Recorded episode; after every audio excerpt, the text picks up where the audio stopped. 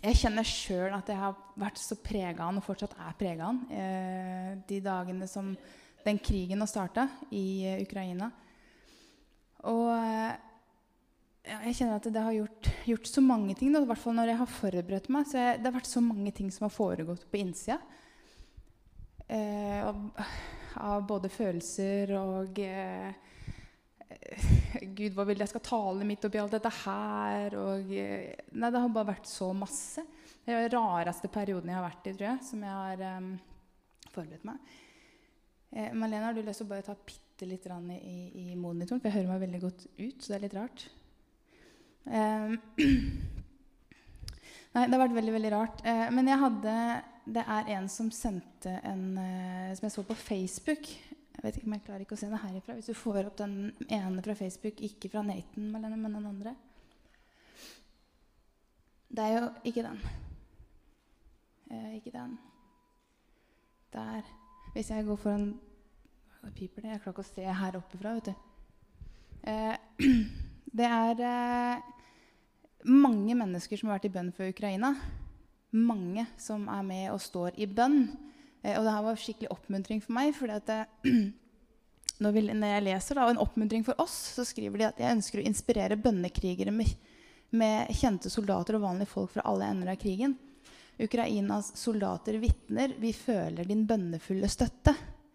Noen ganger skjer det noe virkelig uforklarlig, som om noens usynlige hånd faktisk tar kuler og skjell fra oss og de flyr forbi oss. Vi kommer ut som vinnere fra svært vanskelige situasjoner, som om vi er i følge med noen. Vi blir usynlige for fienden.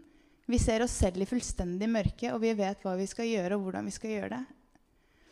Og så skriver han dette inspirerer oss, gir oss styrke. Vi tror at Herren selv eh, er for Ukraina-vennligst. Fortsett å stoppe. Fortsett å stoppe. Det skal sikkert stå 'støtte'. Fortsett å be. Ikke stoppe å be. Støtt oss og be. Vi trenger det virkelig. Det her er noen fra Ukraina som har, eh, har eh, skrevet. Prøvd oversettelsen fra Google. Men dere ser at når vi ber, så skjer det noen ting. Og det er så fantastisk å kunne vite, for av og til så føler man seg så liten. Sitter her i Norge, og vi vet at det skjer noe der man føler Hva skal vi gjøre? Skal vi få, hva, hva, kan vi gjøre i den tida, Gud? Men gjennom at vi steller oss i gap og ber for det som foregår, ikke bare for Ukraina, også for Russland. Og Gud sier vi skal be for alle, også våre fiender.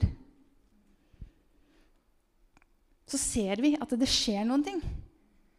Vi ser at gjennom de bønnene vi ber, så beveger englenes hærskarer seg. Og jeg syns at det er så stort. Jeg har tenkt liksom på eh, vi, vi, Mange snakker jo nå om ikke sant, Er dette her det som står profetisk i Bibelen? Er dette her Gog og Magog, som det står om i Esekiel 38? Eh, jeg har ikke masse, masse, kunnskap om disse tingene. Kommer ikke til å forkynne mye om det her i dag. Den, den læren kan eh, noen av dere andre ta dere av. Men eh, også i det så stiller jeg meg spørsmål er det da vits i å be Gud. Ikke sant? Fordi Er det da vits i å be hvis det allikevel skal skje? Er det da vits i å be for noe som du allerede har sagt skal liksom foregå? Men selvfølgelig er det vits i å be. Selvfølgelig skal vi rope til Gud for de menneskene som er der. Fordi at det, Ja, det skal skje, men, men Gud er jo med inni alt dette her, og bevarer uskyldige mennesker og kan møte uskyldige mennesker. Kan omringe barna. Så vi skal fortsette å be, og det ser vi et svar, svar på at bønnen at den virker. Ja, Jesus, jeg takker deg, Herre, for at du er her. Jeg takker deg for at du er her til stede med oss, og at der vi er to eller tre samla, der er du midt iblant oss, Jesus. Jeg takker deg, Jesus, for at uh, det er du som er på tronen, Herre. Og vi bare takker deg, Jesus, for Nå har vi bedt for Ukraina, men vi ber igjen for landet, Jesus, for Ukraina, Herre. Vi ber for Russland, Herre. Herre, vi takker deg, Herre. Du har sagt at vi skal be høstens Herre drive ut arbeidere, Herre. Og vi ber Gud om at du skal drive ut arbeidere, Jesus, til Ukraina, Herre. Til Russland, Herre. Til de landene som er involvert, Jesus. Herre, jeg takker deg, Herre, for at du ser de minste som er der, Herre. Du ser de som er redd, Herre. Du ser de som frykter for livet sitt, Jesus. Du ser alle de som, foreldrene herre, som prøver å løpe med ungen i, til, i rom og i tilfluktsrom. Og alt dette her, herre. Og vi ber Jesus om at de skal kjenne en overnaturlig fred, Herre. Herre, vi ber Jesus om at de skal få se deg og oppleve deg, Herre. At de skal få lov å bli frelst gjennom det, Herre. Gjennom den motgangen de står i, at de skal rope på deg, Herre, og få lov å få sin sjel, få, få sitt liv i orden, Herre. Og få komme hjem til et sted, Herre, hvor det er evig liv, Herre. Herre, vi takker deg, Jesus. Vi priser deg, Herre. Takker deg, Herre. Takk, Herre, for at du er der, Herre. Takk for at du er midt i stormen, Jesus. Du er midt i stormen, Herre.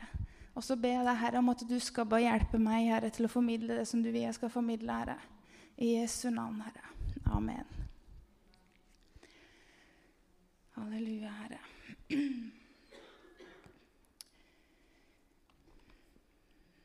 Hmm. Når jeg sitter og tenker på eh, krig, så tenker jeg på at vi som troende også står midt i en krig. Vi står også midt i en krig. Bare at den er ikke nødvendigvis fysisk, sånn som, vi, sånn som skjer nå i, i, Ukraina. Men den krigen vi står i, det er en åndelig krig. Og den krigen vi, vi ser, det er en krig om menneskers sjeler. Det er en krig om at mennesker skal bli frelst. Jeg husker Før jeg ble frelst, så husker jeg de kampene som var over livet mitt. Det var så mange hele tida. Fordi det var en krig over mitt liv. Jeg hadde en Gud som etterjaga meg i sin kjærlighet, som ønska at jeg skulle bli frelst. For han vil ha meg. Han vil at barnet mitt kom tilbake igjen. Det var det han ville. Og så hadde jeg en fiende på den andre sida som visste at jeg vil aldri at Karina skal bli frelst. Hun er min. Hun skal være her. Hun skal tjene meg i mørket. Hun skal jeg ta. Hun skal aldri få komme til himmelen. Hun skal gå til evig dom. Han vil stjele, han vil myrde, han vil ødelegge.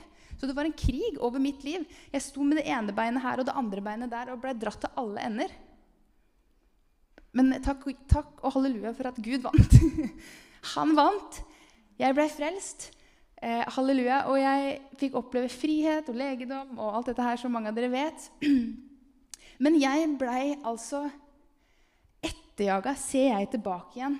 Hva er det som på en måte skjedde i de tidene hvor jeg blei bevart? Fra å havne langt, langt eh, på utsida. Altså jeg mener, Hva var det som bevarte meg fra å f.eks. ikke dø eh, i det heftige miljøet? Fordi at jeg, kunne, jeg kan se tilbake i dag og se at jeg var i kjempe, kjempetøffe miljøer. Og eh, eh, jeg ser tilbake i dag at åssen i alle dager har jeg overlevd? Hvorfor er ikke jeg død?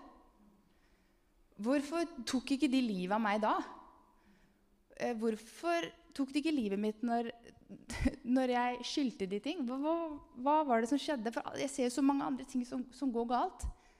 Men jeg vet i dag når jeg hører hvordan mine besteforeldre har bedt for meg, hvordan mine foreldre har bedt for meg, hvordan noen har stått bak og ropt til Gud for mitt liv, så ser jeg at det, i visse situasjoner så bare Åssen har jeg kommet meg ut derifra?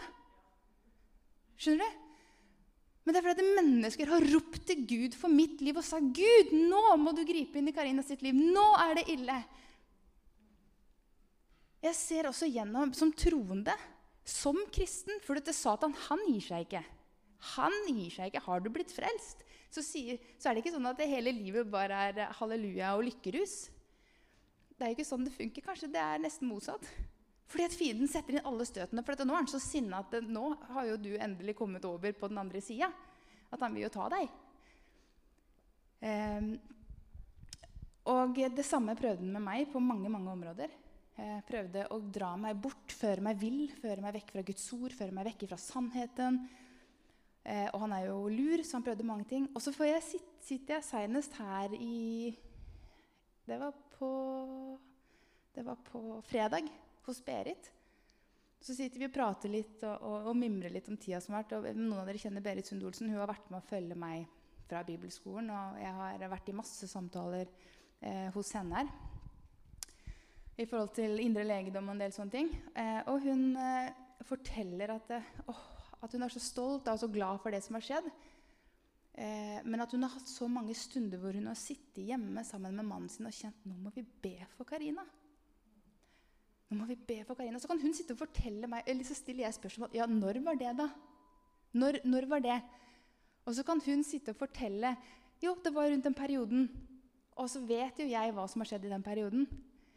Og så sitter jeg og tenker Gud, du reiser opp dine til å be for, for dine.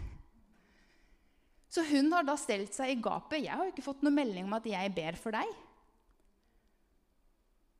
Men jeg vet at jeg har kommet meg ut av disse tingene.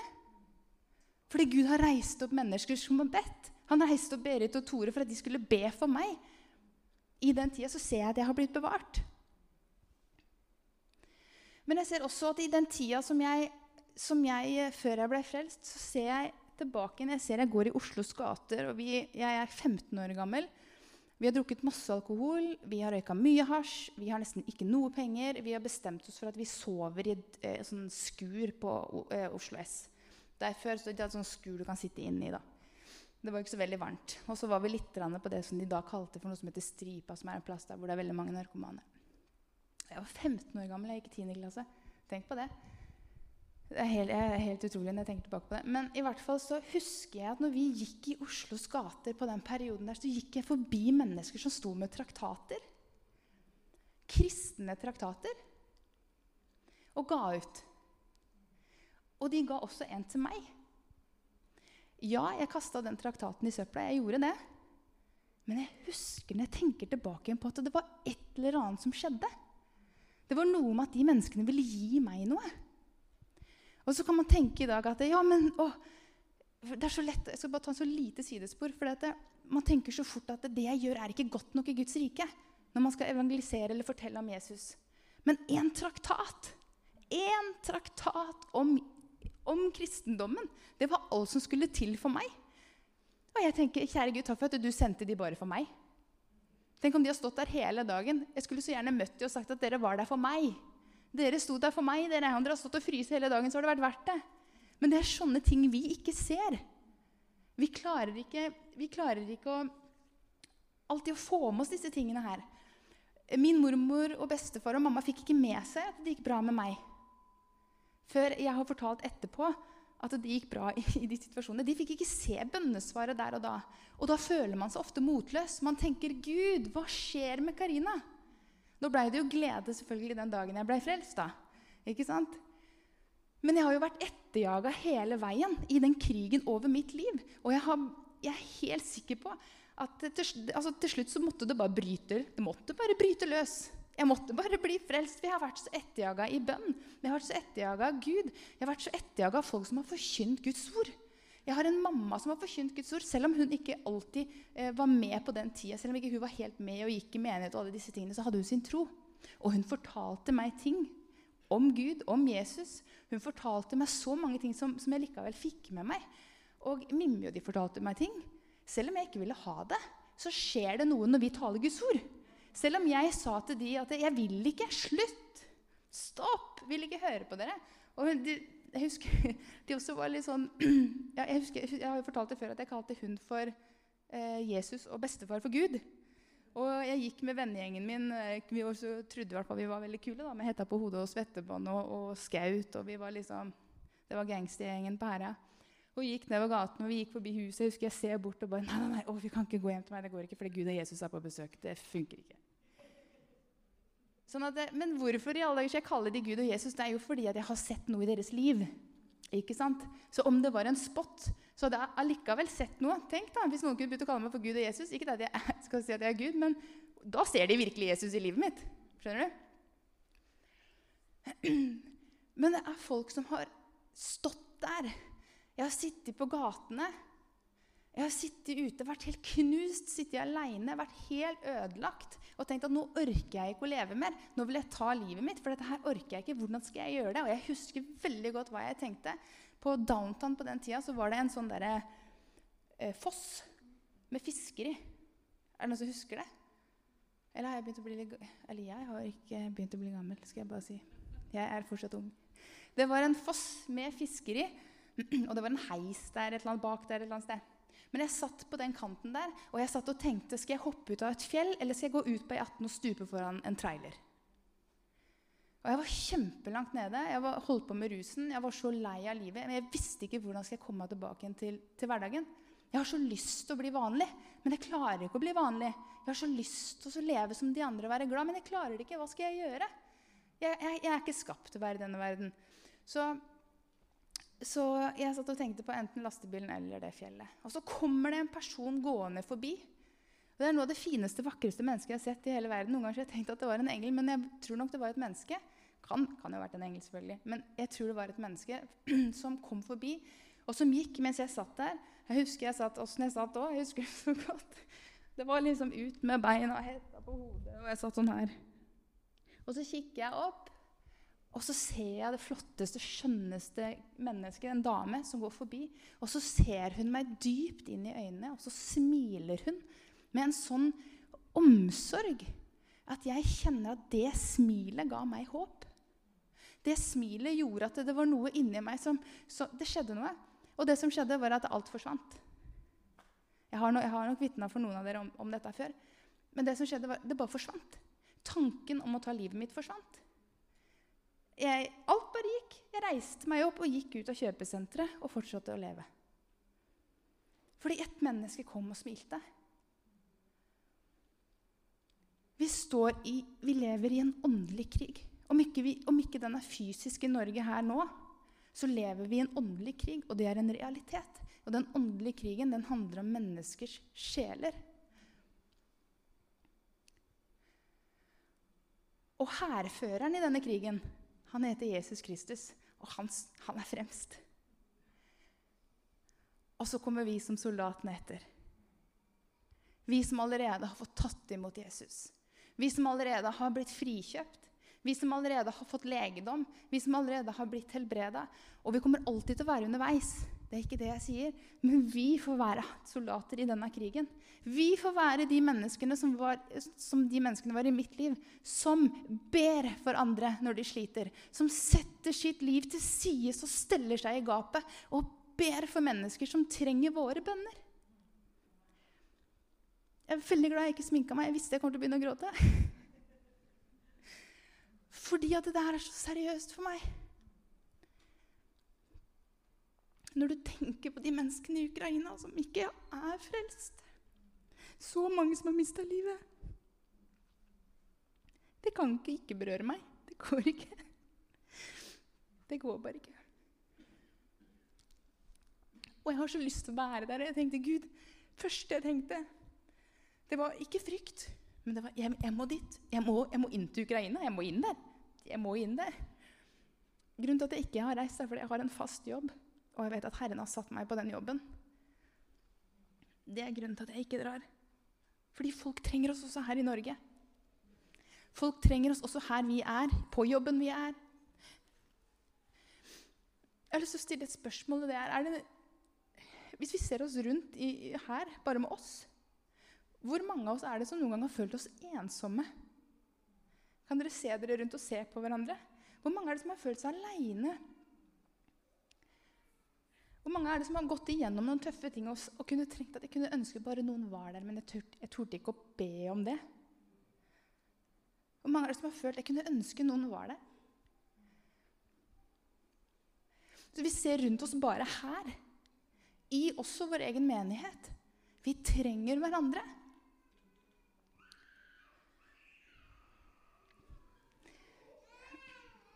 Det er noen som vil til mammaen sin.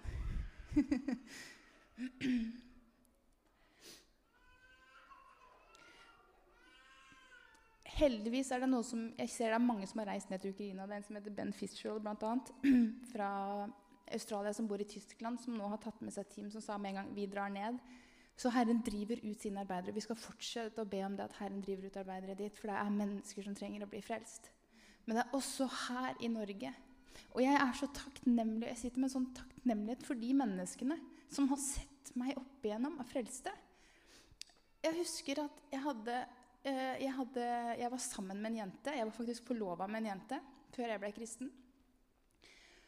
Og jeg husker at vi eh, Jeg husker at Mimmi, min mormor, kom og inviterte meg og henne på møte. Da var jeg 13 år, gammel. 13 år gammel. Jeg var jo egentlig ganske ung. Jeg tenker på det. Eh, og eh, det, der vi var, det var på Livets vann. På, borte på skolen. Men det var ingen mennesker som gikk bort og pekte finger på oss og sa at vi måtte skjerpe oss og riste i oss. Men mennesker kom med Guds kjærlighet. Mennesker kom med Guds kjærlighet til oss. Vi levde ikke riktig, vi. Det det jeg sier med stor fremodighet. Jeg vet at jeg ikke levde riktig da. Det står tydelig i Bibelen. Men mennesker kom med Guds kjærlighet til oss. Oppi det der. Jeg satt der med seggebuksa mi, og jeg så ikke ut. Jeg så ikke ut altså, på den tida. Jeg, hadde dere sett det, jeg gjorde ikke det. altså. Selv om det ytre har ikke så mye å si, men jeg så ikke ut. men menneskene var der. Hva heter han som var ungdomsleder der igjen? Ole? Ole mm, et eller annet? Hæ? Ole Krusan. Han stoppa ikke å sende meg meldinger. han. Jeg svarte den ikke, men han stoppa ikke å sende meg meldinger. Han var på han og sendte meg en melding. 'Karina, har du lyst til å komme i dag?' da? 'Karina, nå er det ungdomsmøte. Jeg ønsker deg velkommen.' 'Karina, har du lyst til å komme en tur på Livets vann?' Han stoppa ikke å sende meg en melding. Og jeg husker det så godt. Midt oppi min elendighet. Og jeg husker jeg satt på rommet mitt aleine. Og jeg husker midt oppi angsten jeg sleit med depresjon, så tenkte jeg jeg burde dra. Jeg burde dra, For det var noe Gud gjorde gjennom ham. Ved å invitere meg, altså invitere meg til et møte. Hallo, kan Gud møte mennesker gjennom invitasjon til et møte? da? Du vet, Gud han kjenner hjertene, han. Han kjenner hjertene. Og så skal vi få lov å stå under han som hærføreren. Vi skal få lov å stå og bli med midt i denne åndelige krigen og få lov å lytte til han og få lov å høre hva vi kan gjøre i denne tida vi lever i. For Gud har gitt oss talenter, han har gitt oss gaver, han har gitt oss armer og ben, han har gitt oss munn. Han har gitt oss så mye som skal få lov å fremme og vise Guds rike her på jorda. Og jeg vet at det er ikke alle som, som har den brannen som jeg har, at jeg vil ut på gatene. Jeg, på, jeg har lyst til å gå ut Ukraina, jeg har lyst til å gå fra dør til dør. Og jeg vet at Gud har sagt at jeg skal forkynne evangeliet. Alle kan forkynne evangeliet. Misjonær, misjonær eller ikke misjonær, evangelist eller ikke evangelist. Alle kan forkynne evangeliet, så jeg skal ikke ta bort den. Men jeg vet at vi har forskjellige gaver og forskjellige tjenester. Og hvis vi klarer å komme sammen, vi, så kommer det til å skje så store ting. Jeg snakka med Siv Hege her om dagen. Og, hun, eller vi er bare i bønn. Jeg, jeg, håper det er greit at jeg sier det. Og hun ber, hun ber, ber og sier til Gud at det, Gud, må du lede meg ut, for jeg kan ikke gjøre noe uten at du leder meg. Ikke sant? Mens jeg bare Lede! Han har jo allerede sagt 'gå'! Hallo! Ikke sant? Det er ikke noe å lede, det her. Det er, jo bare Han har jo gitt oss det. Men det er jo fordi Gud har gitt meg det. Det ligger i meg. Og så sier VG ja, men jeg kjenner jo læren. Vi må jo vokte for læren. Og jeg tenker ja, men det sier seg sjøl. Skjønner du?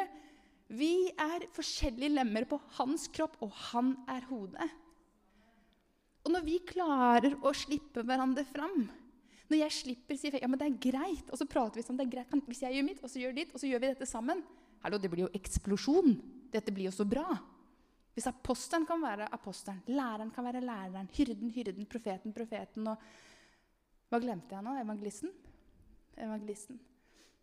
Så er det ikke sikkert alle har en sånn gave heller. Og så har du sånne mennesker Jeg må bare løfte opp Tyra. Som er den kunstneren. Som bare uttrykker hel, kan uttrykke hele Guds eksistens gjennom kunst.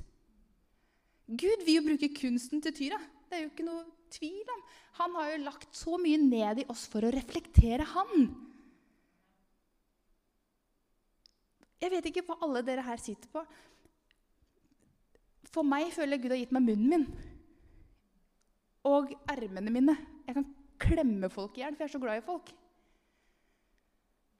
Jeg vet ikke hva Gud har gitt deg, men han har gitt deg noe som du skal bruke i denne krigen for at mennesker skal få oppleve Jesus Kristus.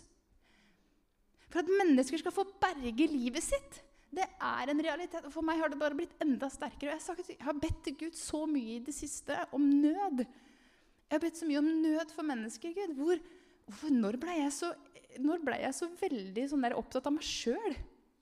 Det er sikkert flere som kjenner seg igjen at man av og til har sånne sesonger hvor man kommer inn i, i spor. Og det, grunnen til at jeg har blitt så opptatt av meg sjøl, er at jeg har hatt det så godt. Jeg har ikke hatt det vondt. Jeg har hatt det kjempebra. Så jeg liksom mista litt av synet det her med mennesker. Jeg var mye mer kjærlig med mennesker og hadde mye mer overbærende tålmodighet og kjærlighet når jeg faktisk hadde problemer. For da visste jeg jo sjøl hvor mye jeg sjøl trengte den nåden. Helt rart. Så jeg bare Gud, nesten så du må gi meg motgang igjen. Men igjennom det her med Ukraina så våkna det noe i meg. Det våkna noe i meg, og det er så nært. Ukraina er så nært. Og jeg skjønner ikke hvorfor ikke jeg har tenkt på det før. egentlig, det vet jeg ikke, I forhold til Israel, som er i krig, ikke sant? og du har mange, mange steder i Afrika hvor det er krig, og, og, det er Iran og Syria. Du har alle disse stedene her. Så det er jo ikke første gangen det er krig, men det har i hvert fall gjort noe inni mitt hjerte. Gud vet jo hva han skal gjøre, og hva han skal bruke når vi ber. For når vi ber, til og med du, hvis du ikke har nød, så be om nød. For han gjør det sånn som han vil. Fordi han møter våre hjerter, han. Han, møter, han vet jo at ikke vi strekker til. Det vet han jo vel.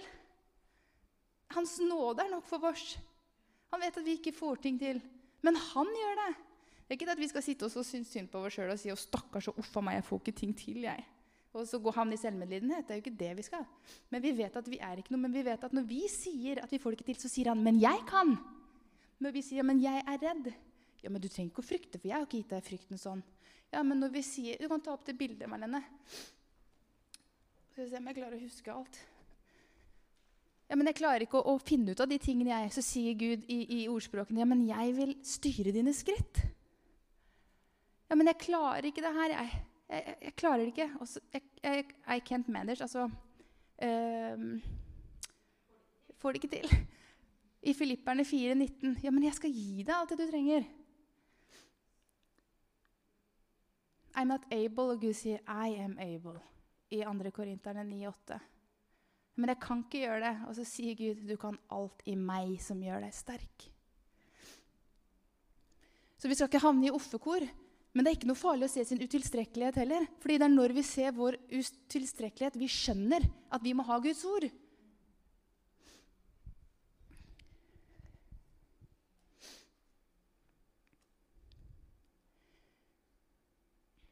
Men tilbake til det med å være i den åndelige krigen, så tror jeg det at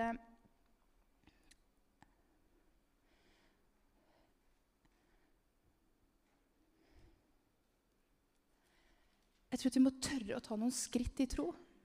Jeg satt og snakka med Berit, og så sitter jeg vi sitter og prater litt på fredagen, og så, så plutselig så bare sitter jeg og tenker på at ja, men vi burde jo være, vi kristne burde jo være de fremste på sånne institusjoner.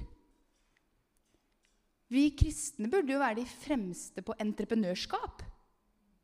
Vi kristne burde jo være de fremste på å eh, ha ettervernssenter for de som kommer seg ut av rus og elendighet og fengsel.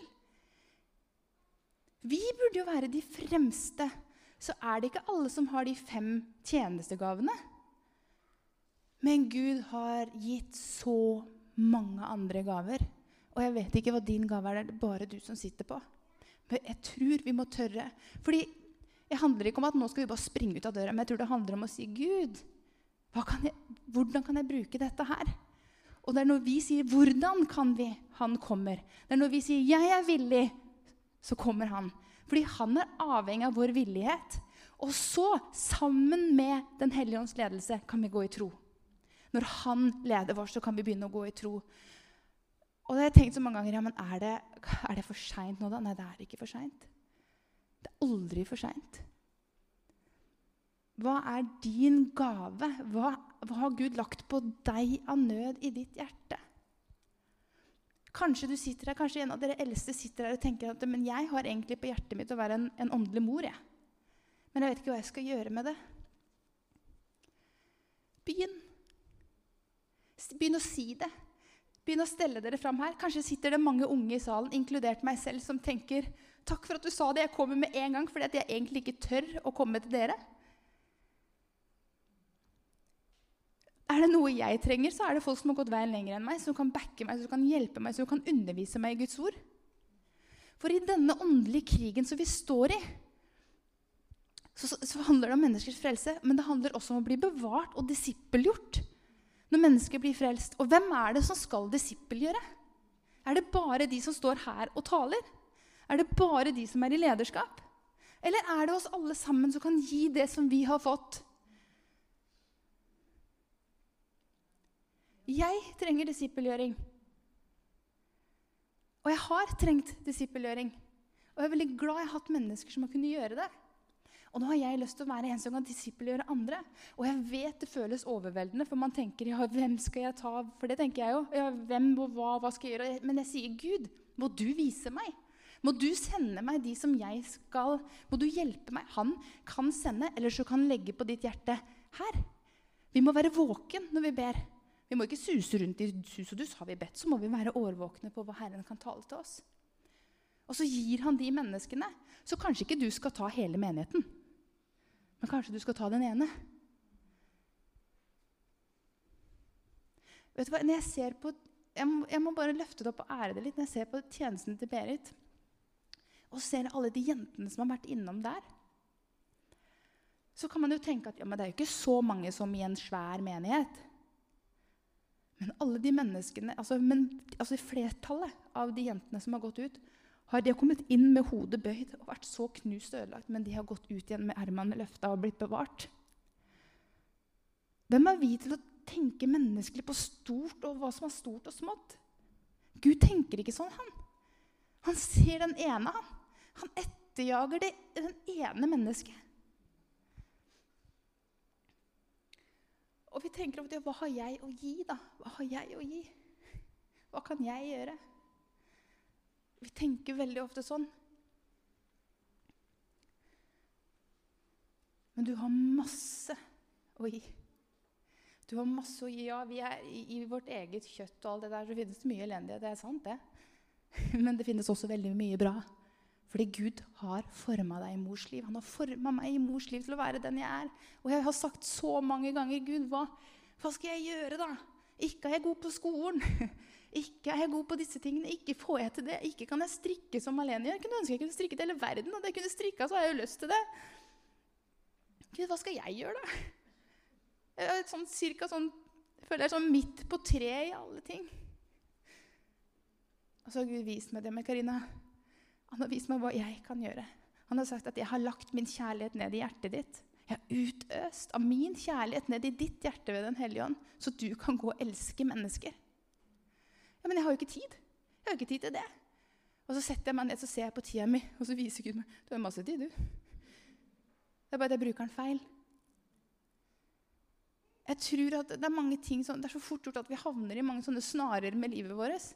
Og så tenker, sånn som I dag så står jeg, skal ta på meg klær. liksom, og så tenker Jeg jeg burde ha på meg skjorte, for jeg skal prekke, jeg burde sminke meg, jeg burde ha håret ned, og så burde jeg jo krølle det, og så burde jeg jo ha på meg kanskje støvletter, for det har jo alle damer. ikke sant? Og så står jeg der og blir jeg litt sånn motløs. for jeg tenker, ja, men Det er ikke gærent å pynte seg. altså. Jeg sier ikke det. Det er flott. det er de som har lyst til å pynte seg, må pynte seg.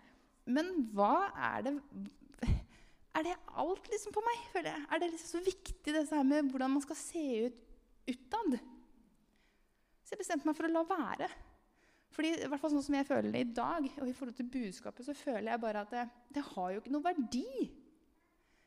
Jeg er så opptatt av åssen det skal se ut, jeg er så opptatt av åssen det skal være hjemme.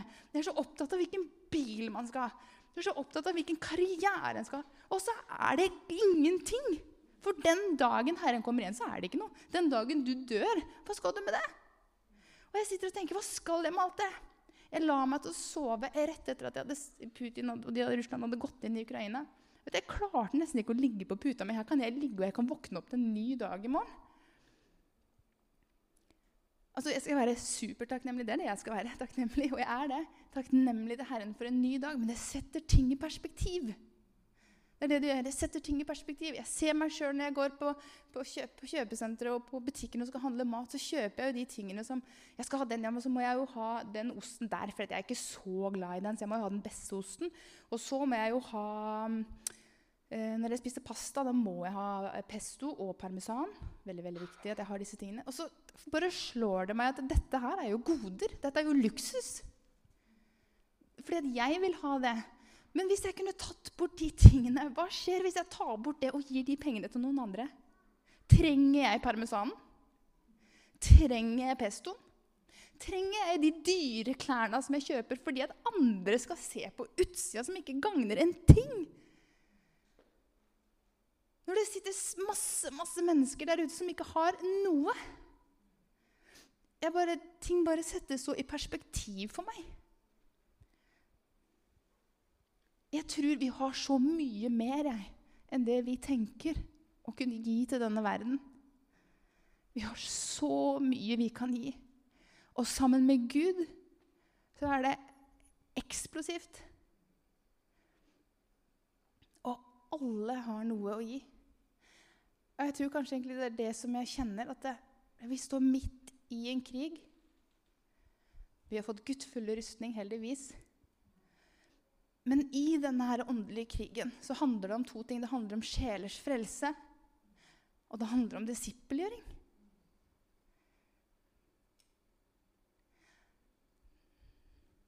Hva kan du gjøre? Hva kan jeg gjøre? Men jeg tror det er mye Gud har gitt deg som du kan være med å gjøre. Hvem folk har han plassert i livet ditt?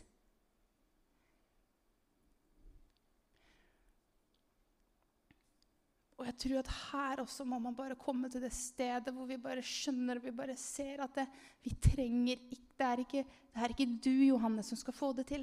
Når du deler evangeliet med et menneske, så er det ikke du som skal prøve å omvende det mennesket. Men du skjønner at når du taler ordet og Guds ord og evangeliet til et menneske, så kommer Den hellige ånd over deg, og så gjør han jobben. For det er han som overbeviser verden om syndom og elendighet og rettferdighet. Det er han som gjør det. Så idet vi er lydige, det er da han kommer. Derfor, vet, der, derfor, har vi ikke noe å frykte. Fordi Gud har sagt at 'jeg er med deg alle dager'. Jeg var så redd for å, å, å legge ut det vitnesbyrdet som jeg har fortalt dere tidligere på Facebook. Jeg var så redd for hva mennesker kommer til å si.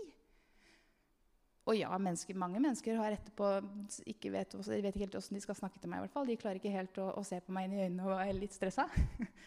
og har ikke den, nødvendigvis den samme forvøren på enkelte plasser som jeg hadde. Men hvis jeg la ut det vitnesbyrdet for at ett menneske for at ett menneske skulle høre det, så har det ikke noe å si om alle de andre sitter og kritiserer hvorfor sa hun det på denne måten, hvorfor har hun ikke sagt det på denne måten, men hvorfor, for dette her, og det er nesten de fleste kristne som gjør, ja, hvorfor tok hun ikke med det? Ja, men hvorfor fortalte hun ikke at det skjedde sånn, og at Guds ord har satt henne fri? Det har ikke noe å si. Jeg kaster det fra meg, jeg bryr meg ikke om det, fordi hvis Herren har sagt en ting, så kan vi få være lydige. Så kan vi få lov å gå på det. Og når vi er lydige og vi går på det, så er det han som gjør tingene gjennom oss. Derfor trenger vi ikke å tenke at vi skal få det til. Derfor trenger vi ikke å tenke at vi skal være flinke. Derfor trenger vi ikke. Har Gud, Gud satt Daniel midt på et mørkt sted. Han stakk jo ikke av. Men han var der og var et lys. Og vi vet jo historien om Daniel. Det skjedde så mange fantastiske ting. Én ting han ikke gjorde, var å ikke bøye seg for andre guder. Da. Det var veldig bra. Men han setter oss på plasser, og hva kan vi gjøre med det der vi er? Hva gagner det hvis noen sier noe eller, altså, Hva gjør det for noe hvis noen sier noe stygt om deg? Hva skjer? Hva er farlig? Hva er farlig? Hva er farlig hvis alle sammen går fra deg, men du sitter faktisk igjen og så har du verdens beste venn med på laget, og det er Gud? Jeg var aleine etter jeg ble frelst. Jeg hadde så mange bekjente i mitt liv. Og jeg hadde også noen gode venner.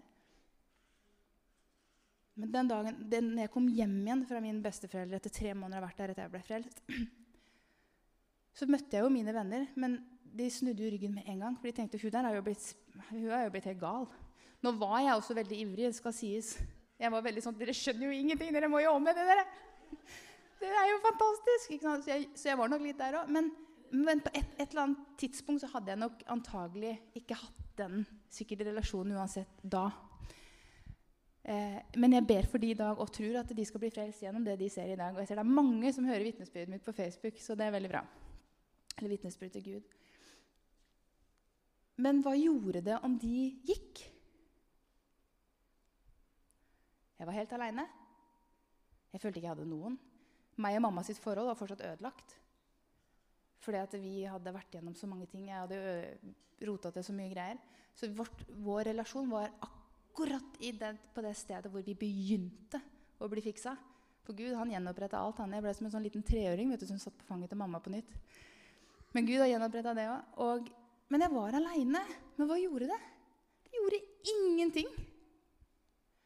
Det gjorde ingenting, for når jeg satt på rommet mitt hjemme, så kommer Gud, så snakker han til meg gjennom Bibelen, gjennom Den hellige ånd, og jeg fikk kjenne at det gjorde ikke noe. Men jeg tror at vi tenker ofte Jeg vet at vi kan føle oss ensomme og alene som kristne også. Men jeg tror det er fordi at de sitter her.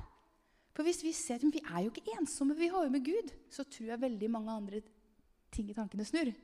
Men vi har liksom Ja, men nå er jeg alene, for man ser rundt på det fysiske. Altså, Poenget mitt da, jeg skal ikke dra det så mye lenger, poenget mitt er at hva gjør det om noen mennesker gjør det? Men hvis snur deg ryggen Hva gjør det hvis de kan få høre evangeliet før, før Jesus kommer igjen?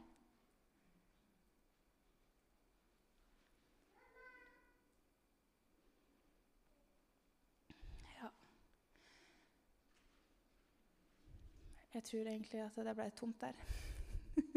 det sa stopp. Eh, ja.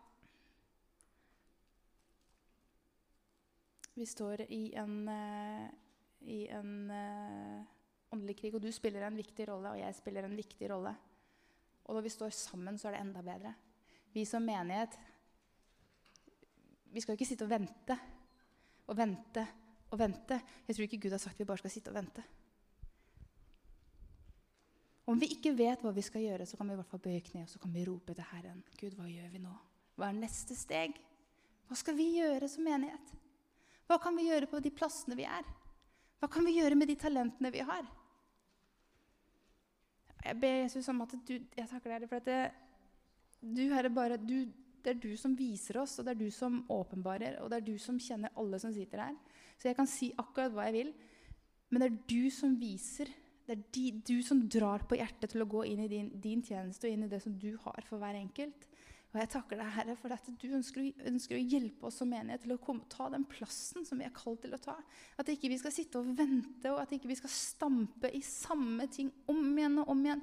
Men at vi skal kunne få lov å reise oss som din menighet og være som et, som et hus oppå et fjell som lyser for hele kommunen, som lyser for hele Bamble, som lyser for hele Grenland. At vi skal være et sted hvor det står at de syke kommer, og de blir bare reist opp igjen. Jesus, må du hjelpe oss. Jesus, må du hjelpe oss til å se, til å kjenne, til å høre. I Jesu navn, Herre. I Jesu Kristi navn. Amen.